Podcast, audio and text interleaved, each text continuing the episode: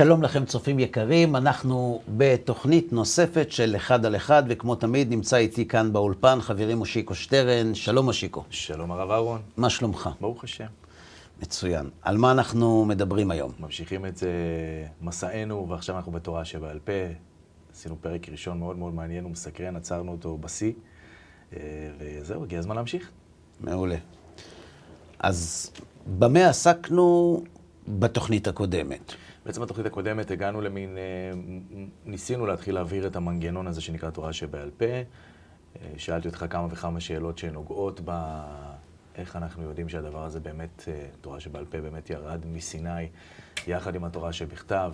שאלתי את השאלה שנשאלת גם כלפיי כל הזמן, אז למה זה לא נכתב? Mm-hmm. שזה אישו חשוב ביותר. אמרנו שעוד נעסוק בזה, נכון. וניגע בזה קדימה. זהו, השארת אותי סקרן, ועכשיו אנחנו אמורים להמשיך משם. אוקיי, אז אם אני זוכר, בתוכנית הקודמת התמקדנו בעיקרון אחד שבלי שמסכימים עליו, אין לאן להתקדם באמת. והעיקרון הזה הוא שאי אפשר לתורה שבכתב בלי תורה שבעל פה. אי אפשר להבין אותה, כן. בדיוק. כן. ש, שאם הקדוש ברוך הוא נתן לנו את התורה, הוא רוצה שנקיים אותה, והוא רוצה שנקיים אותה כפי מה שכתוב בה. Mm-hmm. ומה שכתוב בה לא ברור ולא מובן, ואין בה אף מצווה אחת שאפשר להבין אותה, ולכן בהכרח שצריך להיות פירוש איך מקיימים את המצוות. בדיוק. יפה. אמרתי לך ב, בתוכנית הקודמת, כן. ולכן הבאתי את, ה, את המקור הזה גם, אמרתי לך שגם לפי השומרונים וגם הקראים, חייב להיות פירוש. וזה לכאורה לא מסתדר כל כך, כי הרי כל הטענה של השומרונים זה שהם כופרים בתורה שבעל פה, ש, ש, שהמסורת שלנו לא נכונה. הקראים בוודאי שאומרים שהמסורת שלנו לא נכונה. אז אנחנו שואלים אותם, אוקיי, אבל אתם מסכימים שאי אפשר לתורה שבכתב בלי תורה שבעל פה? וכאן זה נתקע, כי חייב להיות ביאור באיזשהו מקום. אז תראה, יש לי כאן ציטוט מלוח ארץ ישראל, שמתאר בו אברהם משה לונץ, שיחה שהוא קיים בתחילת המאה ה-20 עם כהן שומרוני mm-hmm. במלון בירושלים. וזה כתוב קצת בלשון, אה, אתה יודע, עתיקה, אבל, אבל זה מרתק. וככה הוא כותב: אנוכי. כלומר, לונץ. כן. איך אפשר לכם לקיים את כל מצוות התורה הכתובה? הלא דבריה קצרים מאוד, ולפעמים גם סתומים וחתומים, אם אינכם מאמינים בקבלה או בתורה שבעל פה. זאת אומרת, זה כל... במשפט הזה הוא בעצם מכניס את כל מה שאמרנו בתוכנית נכון, הקודמת. נכון. הוא אומר לו, תשמע, אתם מקיימים את המצוות, הכל בסדר, אבל חייב להיות לכם איזה פירוש, כי התורה נורא קצרה, ולפעמים הררים התלויים בסערה, לא תעשה כל מלאכה. מה המלאכה? מי מלאכה? מתי? איך אתם... ואז עונה לו הכהן. תקשיב טוב, שיקו. חכמינו הראשונים, שהיו בסוף ימי הבית השני, והחכמים שהיו אחריהם, ביארו לנו על פי קבלתם, איש מפי איש, את כל פרשיות התורה, דיניה ומצוותיה. וגם לנו יש כעת בכתב פירוש גדול על התורה, כעין התלמוד שלכם. חכמינו למדו את הסתום מהמפורש באופן שלא יסתור פסוק אחד את רעהו.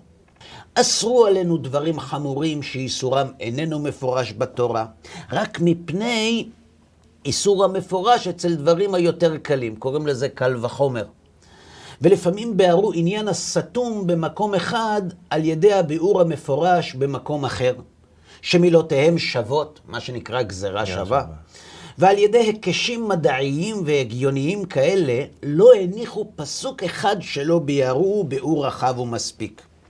והכהנים והחכמים, כך מספר לו הכהן, שהיו בזמנים הקדומים, חיברו לנו מזמורים, שירים ופיוטים לכל מועדי השם.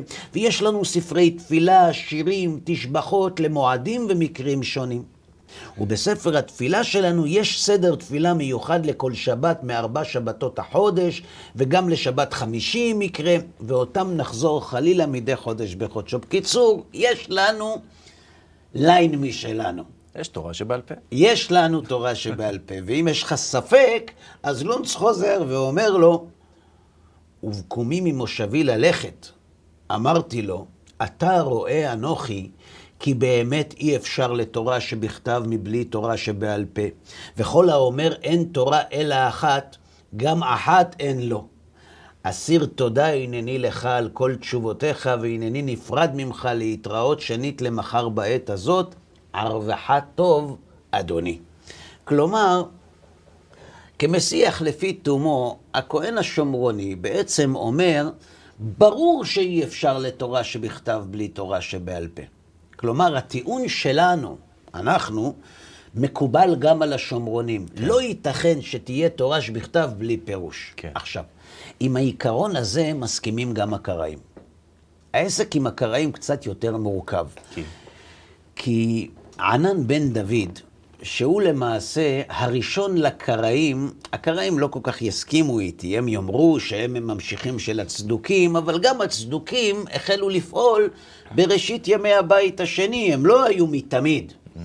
ולכן הקראים, משהו כמו, אנחנו מדברים לפני כאלף שנה, בתקופת הגאונים, היה שם סיפור עם ענן בן דוד ואחיו, ולא רצו להפוך אותו לנשיא, ככה כתוב. והוא קבע את, ה...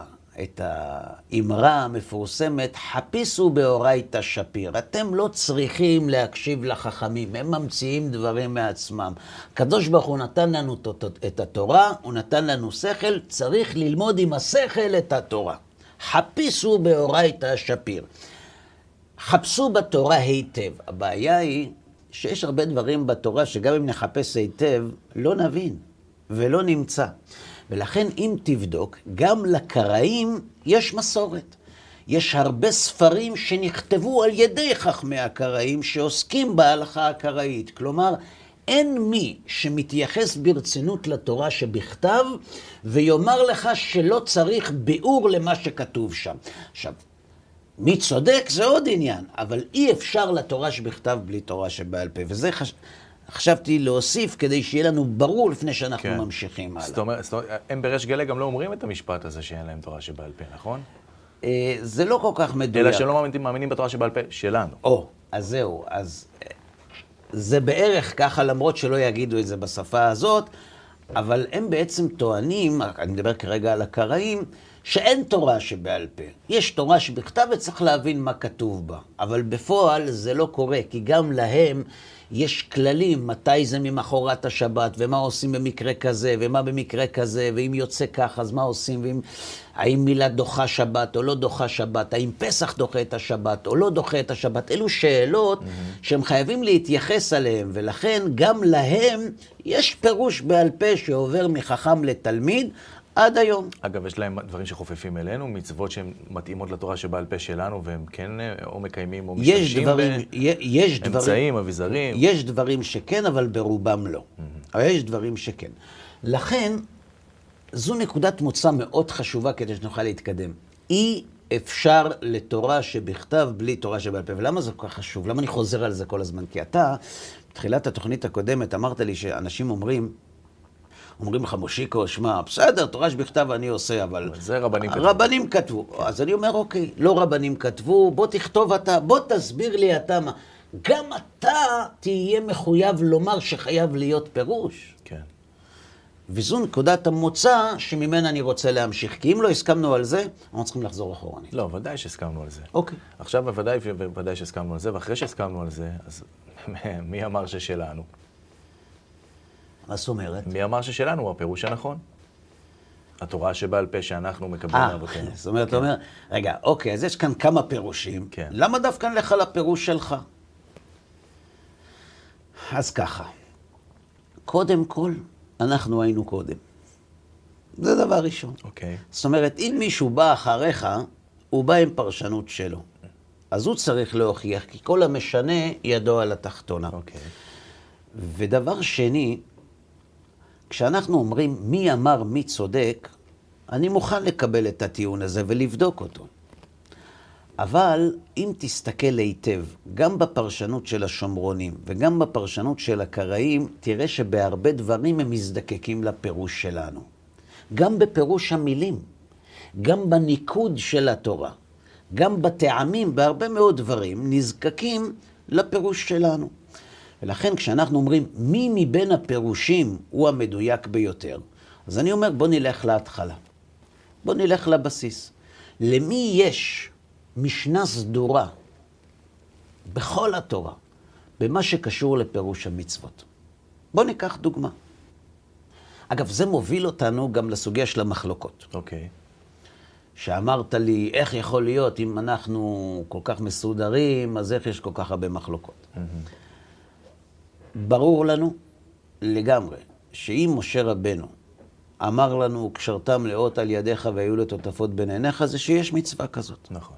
ברור לנו שאם משה רבנו לימד אותנו, וכתבתם על מזוזות ביתך, יש מצווה כזאת. עכשיו תראה, השומרונים בכלל מוציאים אותנו מהסיפור. הם אומרים, זה סימבולי. השומרונים לא מניחים תפילין. אצל הקראים יש הסברים אחרים, בין עיניך זה פה וכולי. אוקיי. אבל מי אמר לקראים מה זה תפילין? איך זה נראה? איך נראים התפילין? באיזה צבע הם? מי לימד אותם את הדברים האלה? אוקיי. זאת אומרת, את פירוש המצוות המעשי, מאיפה הם למדו, מאיפה הקראים למדו מה זה ארבעת המינים, מאיפה הם למדו מה כותבים על המזוזה, מאיפה הם למדו את כל הפירושים של המצוות, שאנחנו מקיימים אותם על פיהם. אז לפי מה שאתה אומר, זה בהיר לי, הם אימצו חלק מהמצוות. או.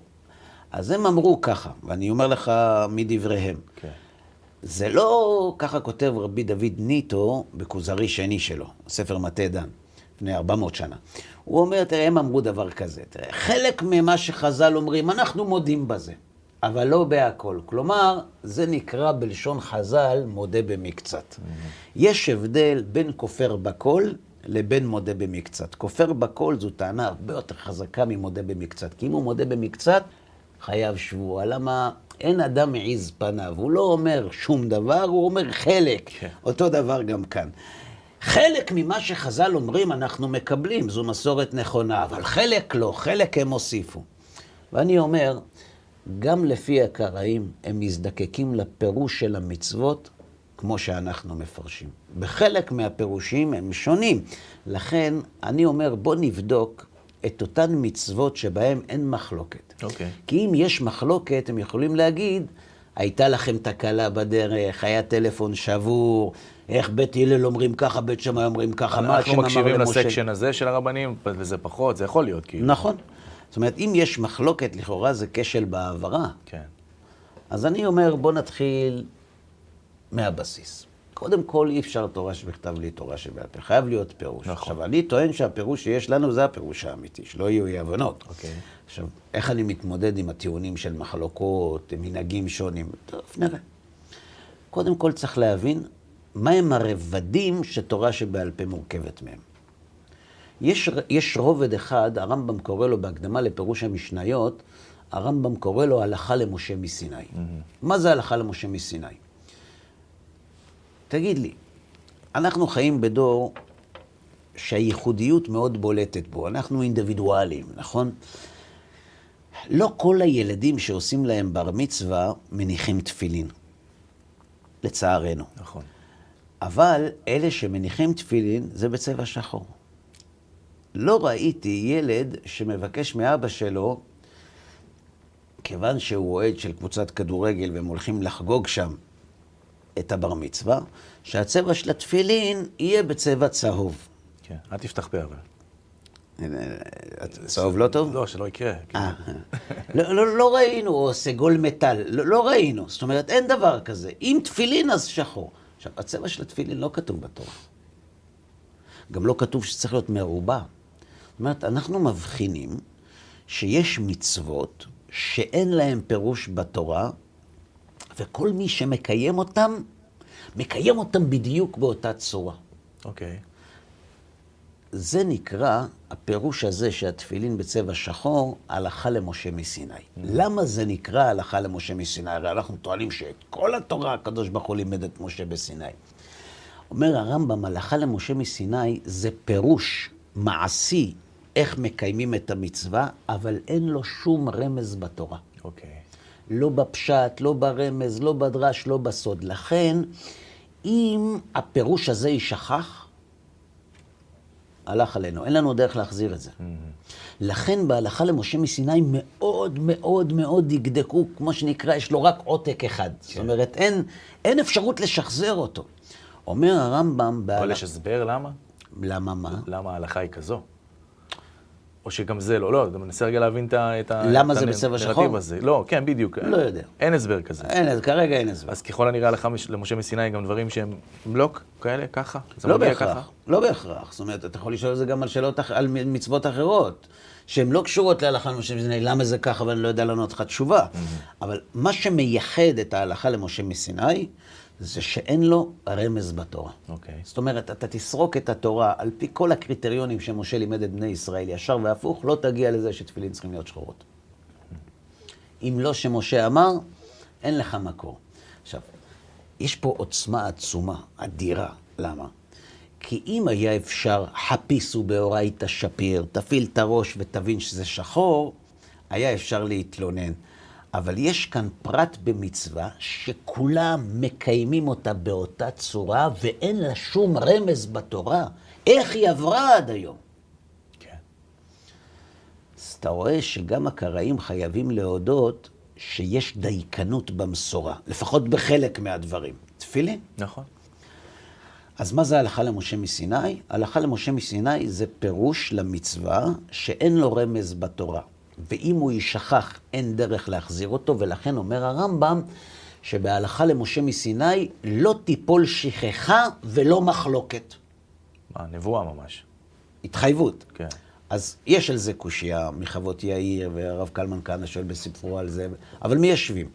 מה- אבל זה העיקר, העיקרון הוא שהלכה למשה מסיני זה פירוש שאין לו רמז בתורה, בסדר? טוב. ואת זה אנחנו כבר מס- מס- מסיטים הצידה, כי אנחנו רוצים להגיע למחלוקות. יש עוד רובד אחד, שגם בו אין מחלוקת, כפי שכותב הרמב"ם, וזה נקרא פירוש מקובל. אוקיי. מה ההבדל בין פירוש מקובל להלכה למשה מסיני? האם את הפירוש המקובל משה לא קיבל מסיני? קיבל. קיבל. אז מה ההבדל בין הפירוש שקיבל משה מסיני, שנקרא הלכה למשה מסיני, לבין הפירוש המקובל שקיבל משה מסיני, שלא נקרא הלכה למשה מסיני, אלא פירוש מקובל? ספר לי. תוכנת החילוץ.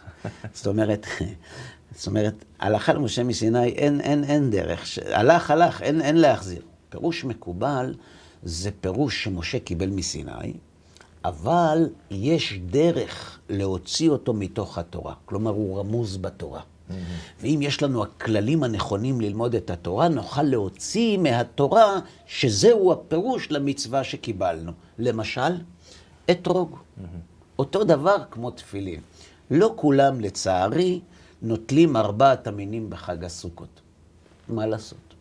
אבל מי שנוטל ארבעת המינים, הפרי עץ הדר שהוא מחזיק ביד הוא לא לימון ולא פמלה ולא פומלית ולא אשכולית, למרות שהמחיר לקילו יותר זול מאתרוג, הם נוטלים אתרוג. כאשר יותר, כאשר פחות, אבל אתרוג. איפה כתוב שפרי עץ הדר זה אתרוג? בתוך התורה? לא כתוב. לא כתוב. רש"י כתב. ולקחתם לכם ביום הראשון פרי עץ הדר. מה זה? צריך להתייעץ עם מי שמבין במועצת הפירות, ויגיד לנו מה זה פרי עץ הדר. טוב, אז אנחנו לא יודעים מה זה פרי עץ הדר. כפות מרים, עץ תמר. עץ תמר. כן. כפות זה סגור או פתוח בדרך כלל? אי אפשר להבין. אה, כפות זה פתוח. פתוח, כן, אז כן. בוודאי לא סגור. אוקיי. אנחנו רוצים שיהיה סגור עד למעלה. נכון. פרי עץ הדר, כפות מרים. ענף עץ, עבות. ימשיך כבודו. הדסים. וערבי נחל טוב, ערבות זה כן. כולם יודעים.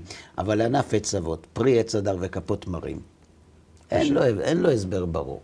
הגמרא מסכת סוכה מלמדת אותנו דרך איך אפשר ללמוד שפרי עץ הדר זה אתרוג. זה לא שמהלימוד של הגמרא אנחנו יודעים שפרי עץ הדר זה אתרוג. אנחנו יודעים ממשה רבנו שפרי עץ הדר זה אתרוג ואין על זה מחלוקת.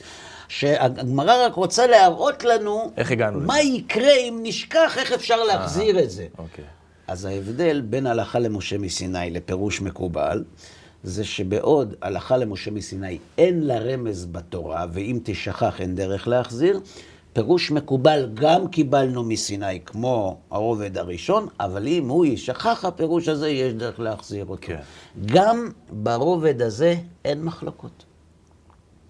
פרי עץ הדר זה אתרוג, ענף עץ אבות זה הדס, אין מחלוקת. זאת אומרת, בהלכה למשה מסיני ובפירוש המקובל, הטיעון שהטלפון השבור מאיים על אמיתות המסורה לא תקף. עכשיו, למה זה כל כך חשוב? עשינו תרגיל כזה כשעסקנו בתורה שבכתב. תיאוריית ההנחתה, קנוניה, נכון? נכון. ואמרתי לך אז, שאנשים זורקים ספקות, אבל גם לספק צריך שיהיה משקל, כמו שאמר דקארט. זאת אומרת, אם אין משקל, מי אמר ואולי? אז אתה אומר לו, טוב, בוא תראה לי איפה על קו התאריך הסיפור קרה. ברגע שנכנס לפרטים הקטנים, הכל מתמוטט. אותו דבר גם פה. שמע, יש הרבה מחלוקות, בסדר, טפל במחלוקות. אבל קודם כל בוא נשים בצד את מה שהוא לא קשור. ההלכה למשה מסיני לא קשור לשאלה של המחלוקות, וגם לא פירוש מקובל. כי אין בזה מחלוקות. כשאתה אומר אין בזה מחלקות, זה בינינו לבין השומרונים לא, לא, והגויים? בתורה עצמה. אה, אוקיי. בתורה עצמה אין מחלוקות. עכשיו אנחנו מגיעים אל הקומה השלישית, וכאן הסיפור מתחיל. פירושים מחודשים. מושיקו, מה אומר לך צמד המילים הזה, פירושים מחודשים? שזה מסיני או לא מסיני? לא, נשמע כמו משהו חדש. משהו חדש. נכון, זה באמת חדש. זה לא ניתן מסיני. אוקיי. מיד קופצים האנשים ואומרים, רגע, אז אם זה לא ניתן מסיני, אני לא חייב, מה שאנשים כתבו, אני לא עושה. נגיע לזה.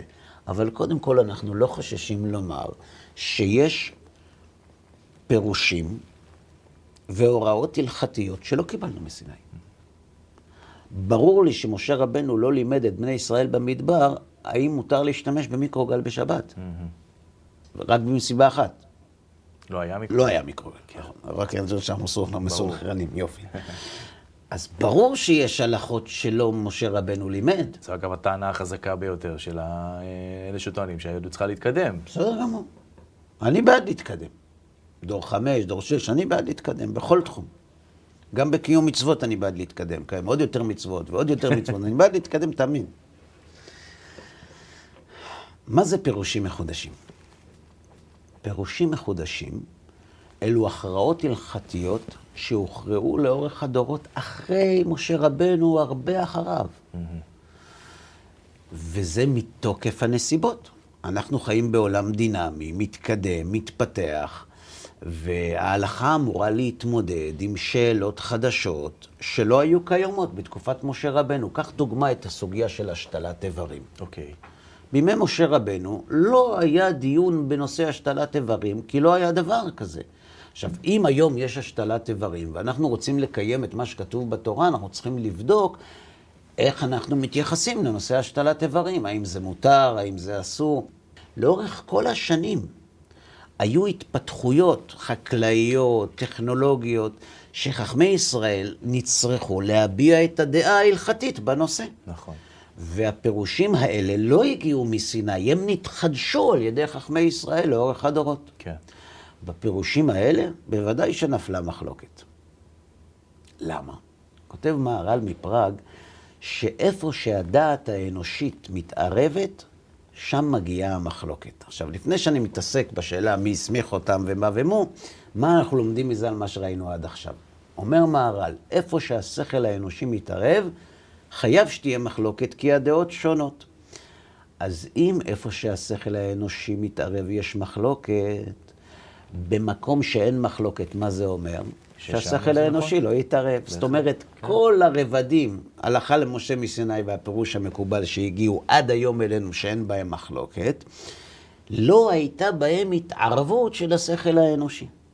עכשיו נתקדם, ועכשיו נשאל, בסדר, אבל מי אמר שהשכל האנושי הזה מחייב אותי? כמו שאמרת, מי הם הרבנים שיגידו לי מה לעשות?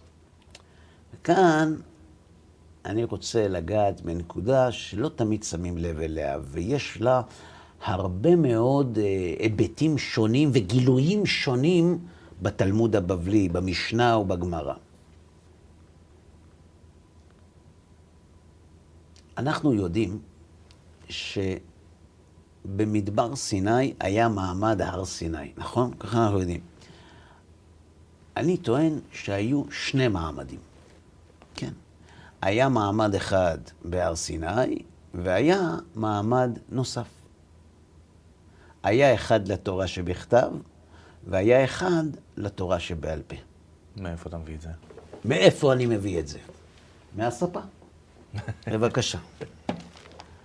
תקרא יחד, אתה יודע מה, אני אקרא, ואתה אוקיי. תגיד לי מה אתה מבין מזה. בסדר? אני קורא מחומש במדבר, פרשת בהעלותך. בסדר?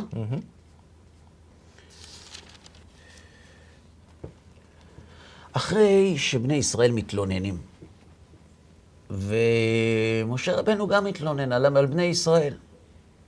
האנוכי יריתי את העם הזה, אם אנוכי ילידיתי הוא, כי תאמר אלי שאהו בחיקך וכולי וכולי. אומר לו הקדוש ברוך הוא, מה אתה אומר? לא אוכל לבדי לשאת את כל העם הזה כי כבד ממני? בסדר. לא רוצה להכביד. ויאמר השם אל משה, אספה לי שבעים איש מזקני ישראל, אשר ידעת כי הם זקני העם ושוטריו. תאסוף לי שבעים איש מזקני ישראל, שאתה יודע שעם ישראל מעריך אותם ומכבד אותם כי הם זקני העם ושוטריו, והם היו אלה שמסרו את נפשם על בני ישראל במצרים וקיבלו את המכות במקומם. תביא את האנשים האלה. ולקחת אותם אל אוהל מועד, והתייצבו שם עמך. אומר לו משה, בשביל מה רוצים לבוא לאוהל מועד? או אומר לו הקדוש ברוך הוא, וירדתי. וירדתי זה כמו בהר סיני, נכון? וירד השם. ודיברתי עמך שם. אני ארד, אני אדבר איתך, ואצלתי מן הרוח אשר עליך ושמתי עליהם. כלומר, אני אקח ממך חלק מן הנבואה, והאציל מהנבואה שלך עליהם. ונשאו איתך במסע העם ולא תישא אתה לבדיך. או-אה. כלומר, אתה תביא 70 איש מזקני ישראל, תעמוד מול אוהל מועד, אני ארד בענן על אוהל מועד, ואני אנבא אותם לעיני כל עם ישראל, וכולם יראו שהם משה קטן. שהם מקבלים מהכוח שלך עליהם. למה זה כל כך חשוב? בהמשך כתוב, ויצא משה וידבר אל העם את דברי השם, ויאסוף שבעים איש מזקני העם, ויעמד אותם סביבות האוהל, וירד השם בענן, וידבר אליו, ויועצל מן הרוח אשר עליו, וייתן על שבעים איש הזקנים, ויהי כנוח עליהם הרוח, ויתנבאו ולא יספו. כלומר, קיבלו נבואה, וזהו. או לא הפסיקה או לא המשיכה, תלוי בפירוש. ואז רצים, שני, רצים שניים, וישארו שני אנשים במחנה, אלדד ומידד, וגם הם מתנבאים וכולי. מה היה כל הטקס הזה? לעיני עם ישראל, 70 זקנים, עושים ככה, תקבלו, מה הסיפור? כמו הסמכה. יפה. למה זה חשוב? אומר משה לקדוש ברוך הוא, חיי האדם 120 שנה. יבוא יום, ועם ישראל יתמודד עם שאלות הלכתיות שלא לימדתי אותן. מה עושים? אז זה לא דומה לעצה של יתרו? זה דומה לעצה של יתרו, רק שהעצה של יתרו הייתה להנמיך את הקושי של משה, אבל לא להקים סנהדרין. הקדוש ברוך הוא בפרשת שופטים מצווה את משה רבנו להקים סנהדרין. ושם כתוב כך, כי יפלא ממך דבר למשפט, בין דם לדם, בין דין לדין ובין נגע לנגע, דברי ריבות בשעריך. וקמת ועלית אל הכהנים הלוויים, אל השופט אשר יהיה בימים ההם, ויגידו לך את דבר המשפט. לא תסור מכל אשר יגידו לך ימין ושמאל. כלומר, התורה כותבת לנו מה עושים במקרה שיש ספק. כן. עכשיו אני אשאל אותך שאלה, מושיקו. נניח שאנחנו, נניח שאני מנהל ואתה עובד אצלי. זה לא נכון, כי אני אסור לי לעבוד, אני דתי, חרדי, אסור לי לעבוד. אבל נניח בשביל המשל שהצופים... מקווה שבסוף הסדרה הזאת תפסיק עם הבדיחה הזאת. אה, נראה. ואתה עובד אצלי יחד עם עוד 100 איש. עכשיו אני רוצה, אחרי כל הסיפור הזה וכל החודשיים בבית, זה עושה קצת לנקות את הראש, ואומר, תשמעו, אני מודיע לעובדים, אני יוצא שבועיים חופש, אני לא אהיה פה. עכשיו, אם יהיה לכם איזו בעיה, לא תדעו מה עושים, מושיקו פה, על מושיקו אני סומך בעיניים עצומות, מה שמושיקו אומר זה אני. בסדר? מעולה. הלכתי, באתי אחרי שבועיים, בוקר מבולקה. מה עשיתם? אני אומר להם, מה עשינו, מה עשינו? אתה נוסע לך לטייל בחו"ל, מה אתה רוצה שיקרה? מה זאת אומרת? מושיקו פה. אז הם אומרים, מושיקו זה לא אתה. סליחה, אני אמרתי לכם שמושיקו זה אני. האם מבחינת האחריות הם מחויבים להקשיב לך כמו שהם מקשיבים לי? כן. יפה. מרגע שהקדוש ברוך הוא כותב בתורה שאנחנו מחויבים להקשיב לסנהדרין, כשאנחנו לא מקשיבים לסנהדרין, אנחנו עוברים על רצון השם, וכשאנחנו מקשיבים לסנהדרין, אנחנו עושים את רצון השם. מי הם הסנהדרין? הם אותם 70 איש שמשה רבנו מאציל מן הרוח אשר עליו עליהם. ולמה זה כל כך חשוב? כי בני ישראל במדבר יודעים שמשה הוא איש אלוהי. 70 איש זה יפה, אבל אחרי שמשה ימות, הם יגידו ל-70 איש מי אתם. אנחנו רוצים את משה. לכן הם צריכים לעשות חפיפה עם משה רבנו, שיראו שמשה ממנה אותם ושהשם שנתן להם את התורה שותף למינוי הזה. כן. ולכן, כל עוד יהיו חיים אותם אנשים במדבר, אף אחד לא ישאל מי הם שאנחנו מחויבים להם. בדיוק כמו שאנחנו לא שואלים על משה, כך גם לא נשאל עליהם. כן, אבל מה יהיה בעוד עשרה דורות? תלוי. אם יהיה לנו רצף, ואתה הזכרת את השמיכה, אם יהיה לנו רצף, איש מפי איש מפי איש מפי איש, שנסמכו על ידי מי שנסמכו על ידי מי שנסמכו על ידי משה רבנו באותו מעמד, הלגיטימיות, גם ההלכתית, גם הרוחנית וגם המוסרית, קיימת בדיוק כמו בדור הראשון.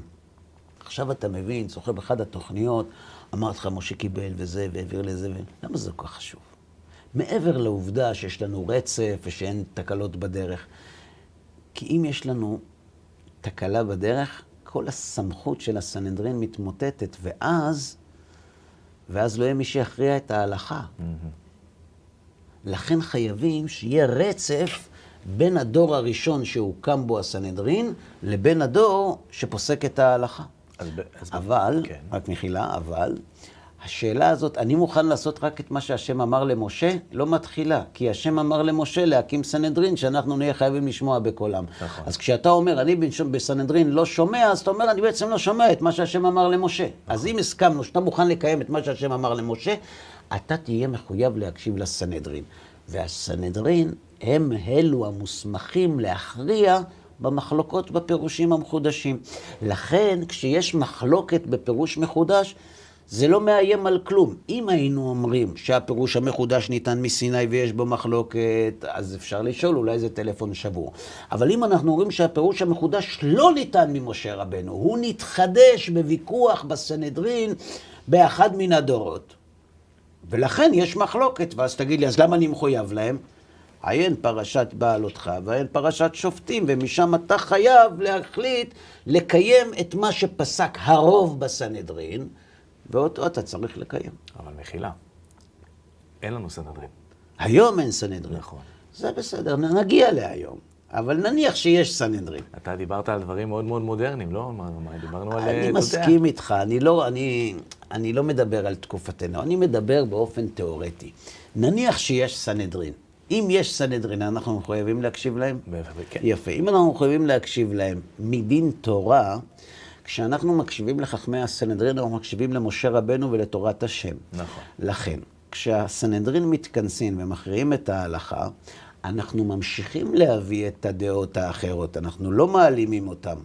רבי יהודה הנשיא במסכת עדיות כותב, למה נמנו דברי היחיד בין דברי הרבים? זאת אומרת, אנחנו לא מעלימים את דברי היחיד. ויש סיבה למה אנחנו לא מעלימים את דברי היחיד. תכף תראה. אבל אנחנו לא חוששים, זאת אומרת, אין כאן עניין להסתיר. אתה זוכר שדיברנו על תורה שבכתב, שאלתי אותך, למה, למה, אין, למה אין גרסאות קודמות? למה יש רק גרסה אחת? זאת אומרת, רצו להסתיר, רצו להחביא. בתורה שבעל פה אנחנו רואים שלא מסתירים את המחלוקות. עד היום אנחנו לומדים את המחלוקות בין בית שמאי לבית הלל, למרות שהם מכרו בסנהדרין ביבנה על ידי רבן גמליאל השני, ארבע שנים אחרי החורבן, אז למה בכל אופן אנחנו לומדים דברי בית שמאי? לא חוששים. זה בסדר שיש מחלוקת. זה לגיטימי שיש מחלוקת. השאלה אם יש הכרעה. ברגע שיש הכרעה, אחרי רבים להטות, ברגע שיש הכרעה בסנהדרין, אנחנו מדין תורה מחויבים להקשיב לסנהדרין. לכן, המחלוקות בנושא הפירושים המחודשים לא מאיימים על רציפות המסורה, להפך. הן באות, אותן מחלוקות, להראות, א', שבמה שאין מחלוקת זה עבר בצורה מדויקת, וגם במה שיש, אלו פירושים שנתחדשו לאורך השנים, והם מחייבים אותנו, כי התורה כותבת שאנחנו חייבים להקשיב לסנהדרין. זאת אומרת שכל מה שאנחנו רואים בו היום, מחלוקת והבדלים בין עדה כזו או אחרת, או מי שעלה משם או עלה מפה, אלו דברים שהם כבר באו אחרי תקופת הסנהדרין? נכון. נכון. אז אתה שואל, ומה היום? ומה היום? השאלה מצוינת. הסנהדרין אמרו לנו מה עושים כשאין סנהדרין. עכשיו, אם הסנהדרין אמרו לנו מה עושים כשאין סנהדרין, זה אומר שכשאין סנהדרין, אנחנו מחויבים להקשיב לסנהדרין ולפעול על פי מה שהם אמרו לעשות כשאין סנהדרין. נכון. זאת אומרת, מה שאנחנו עושים היום זה גם על פי הסנהדרין שאיננה. אז אנחנו נגיע לזה. בהמשך, מה עושים במקרה שאין סנהדרין. עוד נעסוק בזה. וכאן אני רוצה, ברשותך, להתקדם עוד שלב בנושא של הסנהדרין. אנחנו רואים לא פעם בתלמוד הבבלי שההנהגה של הסנהדרין מתנהגת בצורה מאוד תקיפה. אגב, אתה יודע, יש בתורה מצווה שנקראת זקן ממרא. כן. מה זה זקן ממרא?